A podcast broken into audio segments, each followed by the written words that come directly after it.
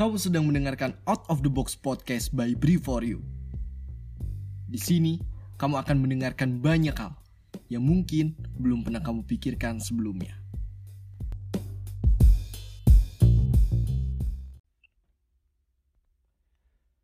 Halo, it's me Brief for You di Out of the Box episode pertama. Wah, seneng banget akhirnya gue punya podcast dan tahu gak sih, yang paling seneng itu adalah gue bisa ngalahin rasa males gue. Karena sebenarnya gue udah punya niatan untuk bikin podcast ini tuh dari jauh-jauh hari. Tapi ya akhirnya ilhamnya dapetnya sekarang. Tapi setuju gak sih bikin podcast sama ngalahin rasa males tuh lebih susah ngalahin rasa males. Apalagi pandemi kayak gini kan. Di rumah nggak ngapa-ngapain, kegiatannya ya cuma malamnya begadang, bangun siang, abis itu makan, terus nunggu mules, abis itu ee, abis itu cebok, kalau nggak cebok bau kan. ya abis itu main HP, terus ya tahu-tahu malam aja. Kayak yang tumbuh tuh bukan produktivitas, tapi justru rasa males ya kan? Atau emang kitanya aja yang dasarnya males. Tapi kayaknya pandemi ini selalu dijadikan alibi deh untuk orang-orang yang malas seperti kita. Iya gak sih? Kenapa kita malas kalau di rumah? Coba. Karena bahasa Inggrisnya rumah kan home. Nah home kan singkatan dari himpunan orang malas. Nggak lucu ya? Ya udah. ya uh, cari kerja part time kayak gitu kan susah ya. Pasti alibinya apa? alibinya ya pandemi ini kan kayak ditanya uh, oi kan lagi kuliah online gini kenapa nggak cari kerjaan gitu atau yang part time pasti kan jawabannya ah lagi pandemi ini kayaknya susah deh. Nah uh, pandemi itu kan selalu jadi alasan ya buat nutupin kemalasan kita. Padahal mah ya malas bukan karena pandemi. Tapi ya semoga aja masa-masa ini cepat berlalu. Jadi kita bisa kembali beraktivitas kayak dulu lagi. Bisa nongkrong bareng teman bisa kuliah normal sekolah juga normal. Uh, terus juga ya apa-apa uh, kumpul lagi tuh jadi hal yang lumrah lagi gitu.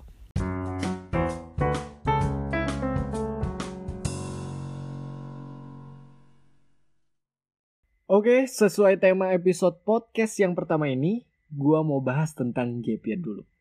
Buat lu yang nggak tahu apa itu gap year, simpelnya adalah masa di mana kita gagal SBMPTN dan mencoba untuk cuti, nganggur, libur atau apa pun itu selama satu tahun untuk nyobain lagi di SBMPTN selanjutnya. Simpelnya kayak gitu.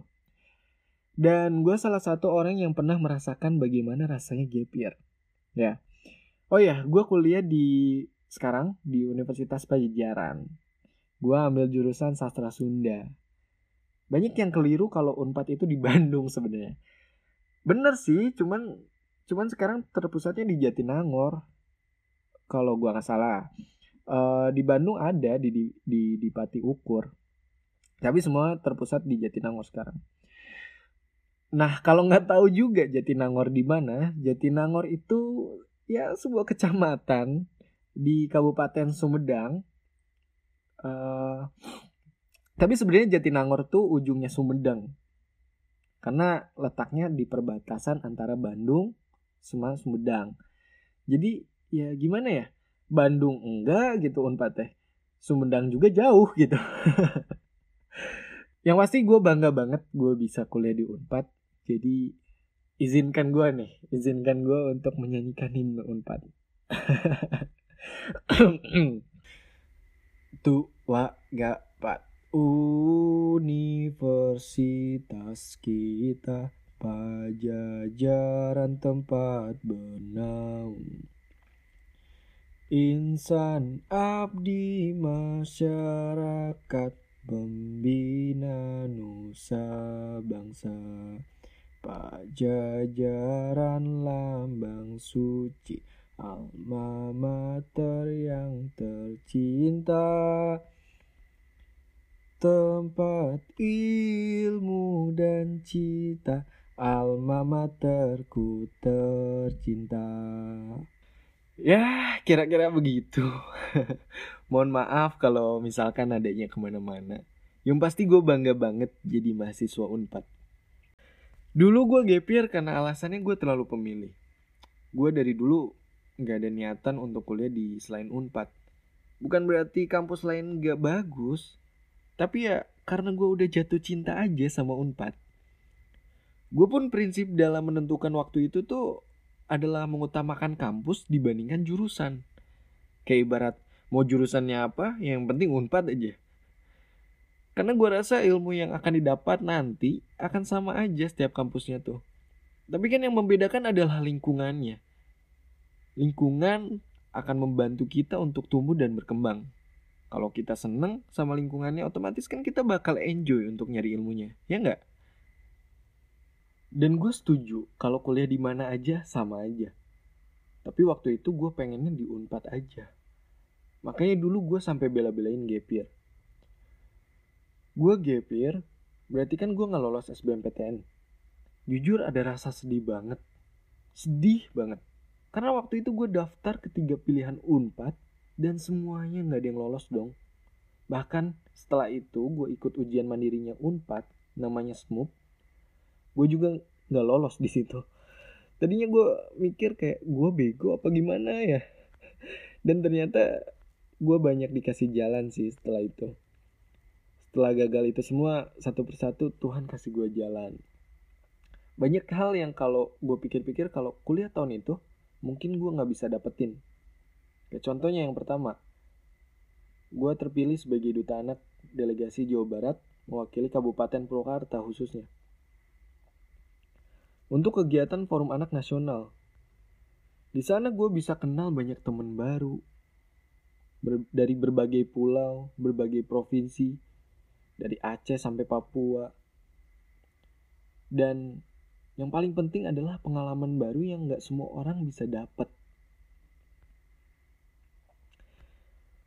Dan dari situ pun sebenarnya uh, rasa ditolak SBMPTN-nya pun uh, hilang sedikit-sedikit.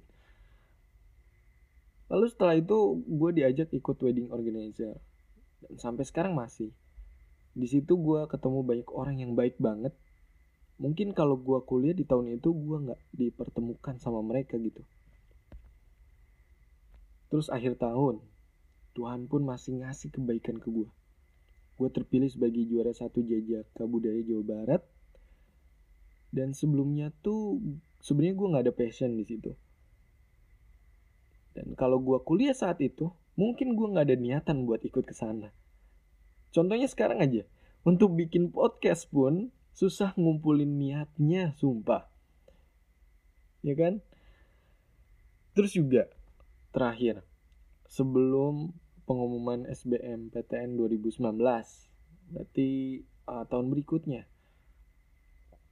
gua sempat dikasih kesempatan untuk ikut serta sebagai kru dari bagian event bazar buku terbesar di dunia. Namanya Big Bad Wolf.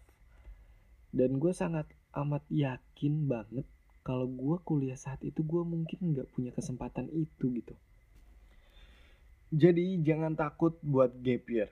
Siapa tahu nggak lolos SBMPTN karena Tuhan pengen ngasih yang terbaik. Jujur, pasti ada rasa malu teman-teman seangkatan kita udah pada kuliah, kitanya belum. Tapi kan pas saat waktunya tiba, justru malah kita yang selangkah lebih maju daripada teman-teman kita. Kalau lu memutuskan untuk gap year, gunakan waktu itu seproduktif mungkin. Misal kayak nyiapin buat SBMPTN atau berkarya di YouTube bisa. Karena di saat nanti saingan lo anak kelas 3 kebanyakannya yang masih nyiapin untuk UNBK UAS, dan lain sebagainya, lo sudah punya start duluan untuk belajar SBMPTN. Lo selangkah lebih maju. Dan terakhir, gunain waktu itu untuk bahagia. Karena bahagia itu penting banget. Oh iya, jangan maksain kuliah biar nggak gapir. Apalagi maksain kuliah di tempat yang mahal, sedangkan kondisi ekonomi keluarga yang tidak mendukung. Karena di umur segini, yang harus dipikirin tuh bukan diri kita aja, tapi keluarga kita juga, men. Gue lebih support orang yang mau berjuang dan pantang menyerah. Mungkin gue bisa lolos SBM PTN 2019 karena gue yakin dari kekuatan doa dan usaha. Tahun 2018, gue berdoa, pokoknya pengen masuk ke jurusan A di UNPAD. Setiap hari gue doanya gitu.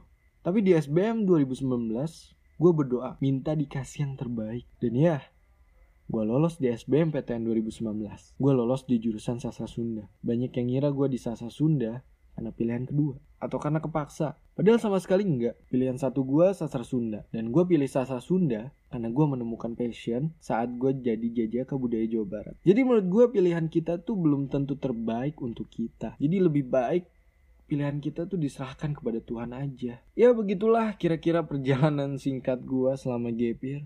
Intinya selamat buat yang udah lolos SBMPTN tahun ini. Jangan disia-siain karena banyak orang yang berjuang lalu gagal.